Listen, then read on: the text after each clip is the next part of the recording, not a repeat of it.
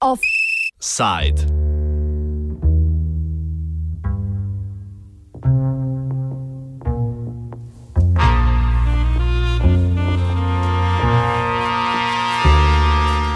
Zaseg osebnega premoženja beguncev.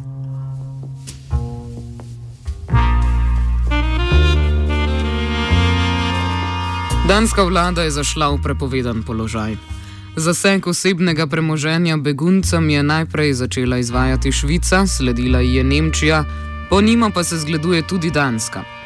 Folketinget, njihov parlament, je včeraj potrdil zakon, s katerim bo lahko danska policija pregledala prihajajoče begunce in jim zasegla premoženje, ki presega 1340 evrov.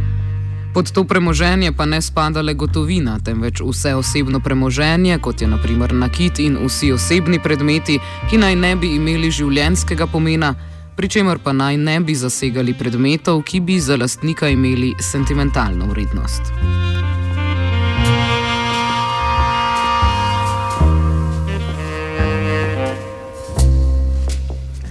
Nova danska zakonodaja pa se ne dotika le osebnega premoženja beguncev, temveč vključuje tudi zaostrovanje azilne politike. Po novi politiki naj bi namreč sprejemali predvsem begunce iz Sirije, pri čemer bi se naredila velika razlika med tistimi, ki so v Siriji individualno preganjani in tistimi, ki bežijo pred vojnim nasiljem.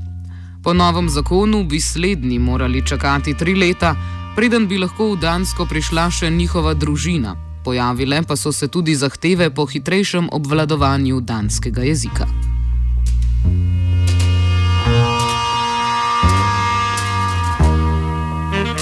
Eden izmed glavnih argumentov zagovornikov zakona je, da bodo s tem begunci soočeni z enakimi pogoji kot danski državljani, ki prejemajo socialno podporo, kar pa le delno drži.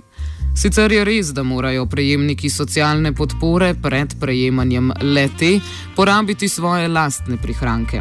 Ampak policija brez sodnega naloga nima pooblastila, da preišče osebno premoženje, ta pooblastila pa ima pri beguncih tudi brez sodnega naloga. Pozabiti ne smemo niti, da nekdo, ki je vse življenje prebival na Danskem in nekdo, ki je v državo šele prišel, nista v enakem položaju, saj si mora slednji družbeno omrežje v novem življenjskem okolju šele ustvariti.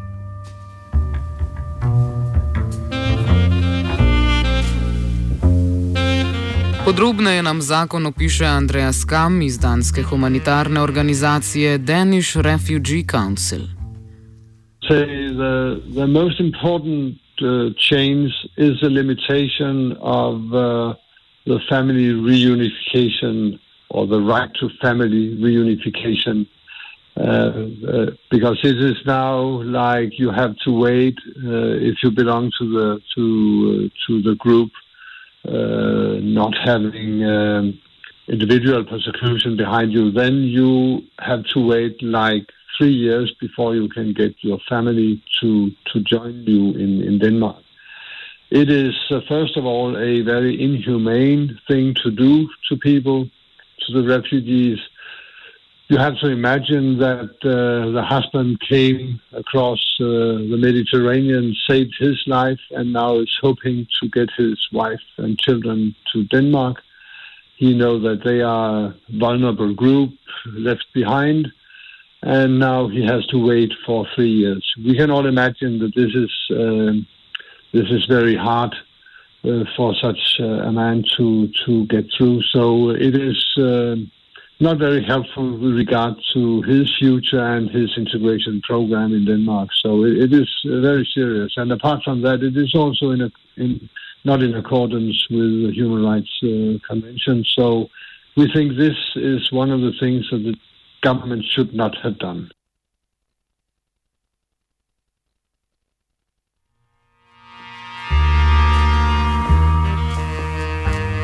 Drugi vidik zakona je zaseganje osebnega premoženja beguncem. Nadaljuje kam, pri čemer povdari, da glavni namen zaseganja osebnega premoženja ni ekonomska korist, temveč je predvsem sporočilne narave. Večina beguncev ob prihodu v državo namreč ne poseduje večjega premoženja, Glavni cilj takšne politike pa je, da begunce od države odvrača. The more or less ridiculous discussion about uh, confiscating values from from asylum seekers when they arrive. It is actually not a you know uh, a decision with with a lot of substance because we all know that refugees they are not rich people when they arrive after having been refugees for four or five years. They have they have spent their resources years back so uh, it is more a signal to to asylum seekers or to the world that Denmark is not a very pleasant uh, country to to go to.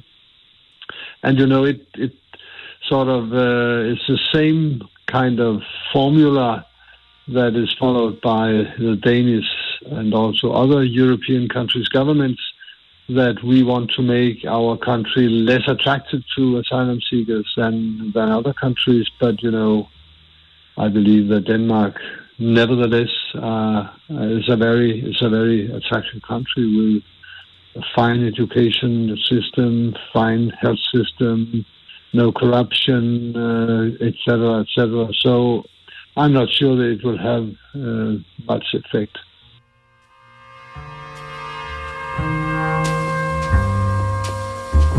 Sogovorec izpostavi, da zahteva danske vlade, da begunci pred prejemanjem državne pomoči porabijo svoje lastna sredstva, ni povsem zgrešena. Ponovno pa povdari, da takšen ukrep nima realnih temeljev.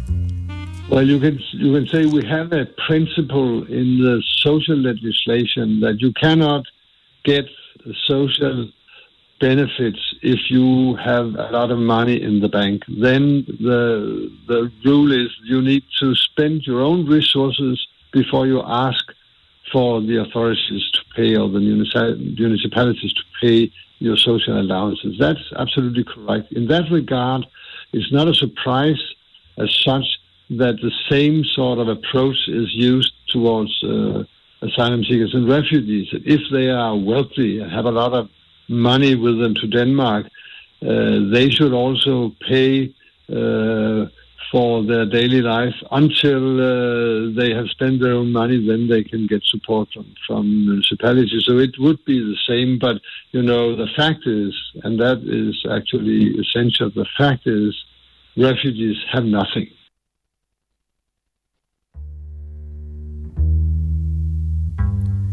Danska politika do beguncev pa ne krši že neuske zakonodaje, saj je slednja dokaj osko definirana.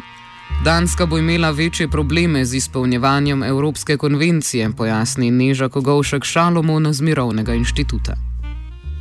Zdaj, Ženevska konvencija ne vsebuje določb na temo um, imetja, torej na temo premoženja beguncev, ki pridejo v določeno državo vsebuje samo eno določbo na temo pridobivanja premoženja in na tem področju, torej možnosti pridobivanja premoženja, bodi si premičnega, bodi si nepremičnega. Na tem področju so države zavezane beguncev obravnavati vsaj enako, kot obravnavajo vse ostale tujce. Uh, tako da Ženevsko konvencijo si tukaj neposredno ne moremo prav veliko pomagati pri iskanju vodil ne, medna, na področju mednarodnega prava, ali ta določba ustrezna ali ni več informacij lahko dobimo, če pogledamo v Evropsko konvencijo o varstvu človekovih pravic. In sicer ta konvencija uh, v enem od svojih protokolov določa uh, pravico do varstva imetja oziroma premoženja in uh, na tem področju seveda begunce veljajo, veljajo popolnoma enake garancije in zaščita kot za vse ostale prebivalce, recimo za državljane določene države. Države so recimo pod določenimi pogoji in v določenih ekstremnih primerjih uh, smejo um, razlastiti recimo uh, osebo na svojem, na svojem območju, vendar pa mora biti to uh, opredeljeno zakonom pod vnaprej določenem postopku in tudi ta poseg ne sme biti nesorazmeren, kar pomeni, da je to, eh, da mora biti neko ravnotežje med tem, kaj države želijo zasledovati, torej nek cilj, ki ga želijo zasledovati, in pa med samim ukrepom, v tem primeru oduzemom nekega premoženja. Eh, tako da, če, bi, če bo Danska eh, to politiko začela izvajati, bo morala to izvajati na način, da ne bo kršila te konvencije. Sogovorka še opozarja, da Ženevska konvencija podrobneje ne definira niti položaja begunca, saj njena definicija ne vključuje beguncev, ki bežijo pred vojnim nasiljem kot takim. Ženevska konvencija ni preveč jasna, torej ne vsebuje tako natančnih določil, kot so ti. Ne? Uh, in tu treba se zavedati, da je, da je Ženevska konvencija um, relativno osko zastavljena glede na um, kategorije beguncev oziroma glede na razloge, iz katerih begunci danes bežijo iz različnih držav. Uh, Ženevska konvencija namreč tukaj, uh, kot vemo, se nanaša predvsem na tiste ljudi, ki bežijo pred preganjanjem, medtem ko nasilje, neko splošno nasilje ali pa vojno stanje kot tako. Eh, v, teh, v tej konvenciji ni umenjeno. Ne? Tako da se moramo že itak zavedati, da je njena zaščita precej oska in da je pravzaprav Eh, da so pravzaprav neki drugi statusi, ne status begunca, tisti, ki so omogočili, ki omogočajo zaščito tudi tistim ljudem, ki, ki bežijo zaradi vojne. To so bili v preteklosti recimo razni suplementarni statusi, torej ne vem, v Sloveniji je bil to status uh, humanitarnega begunca ali pa recimo to je zdaj po evropski zakonodaji subsidijarna zaščita, medtem ko ta status eh, po Ženevski konvenciji je vedno bil relativno ozak. In zdaj, kakšne pravice potem se vežejo na to, vključno z združevanjem družine, um, tukaj so države, žal v tem trenutku še precej svobodne, eh, v smislu, da eh, lahko postavljajo tudi zelo restriktivne pogoje za združevanje družine.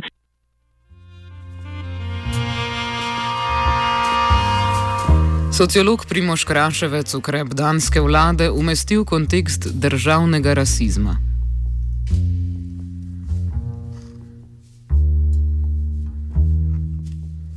Moje za, kakšne resne zgodovinske primerjave je bilo potrebno veliko več raziskav narediti, za uh, veliko več vedeti o tem.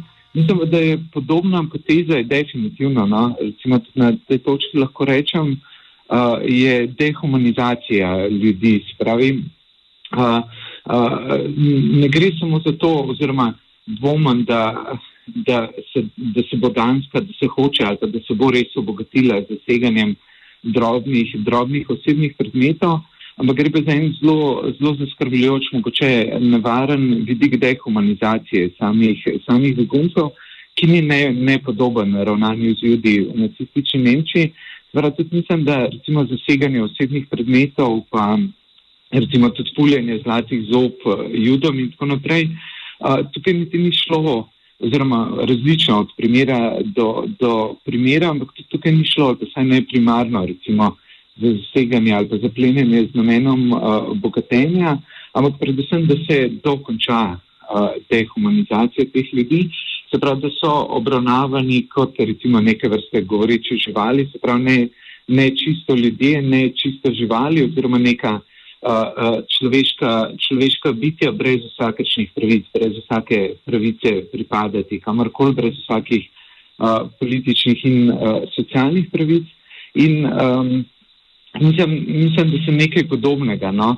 ne samo s tem zaplenjenim predmetom, ampak nekaj uh, podobnega tudi drugo, drugačno ali pa splošno evropsko obravnavo beguncev, beguncev dogaja se pravi, da, da so potisnjeni v status uh, ljudi brez pravic. In vse, kar, kar s tem spada, se pravi, uh, mogoče je to samo še končni, kako bi rekel, v zvezi z državnim rasizmom ali pa recimo tudi uh, uh, nadnacionalnim v primeru Evropske unije, mogoče to zaseganje predmetov, sajsko vidim, uh, kot če zadnja poteza v tej, kako bi rekel, odrekanju pravic in s tem dehumanizaciji beguncov ker to pomeni, da nimajo niti več recimo, te neke osnovne pravice do osebne lastnine, se pravi, ravno zato, ker so ljudje brez pravic in lahko država oziroma državni obmeni organi uh, vzamejo potem, uh, uh, potem še nekaj pisovnih ali pa osebno lastnino.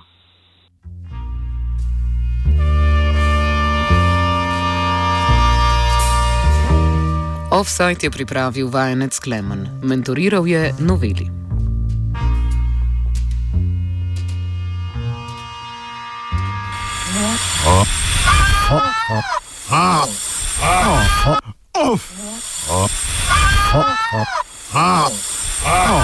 Offside.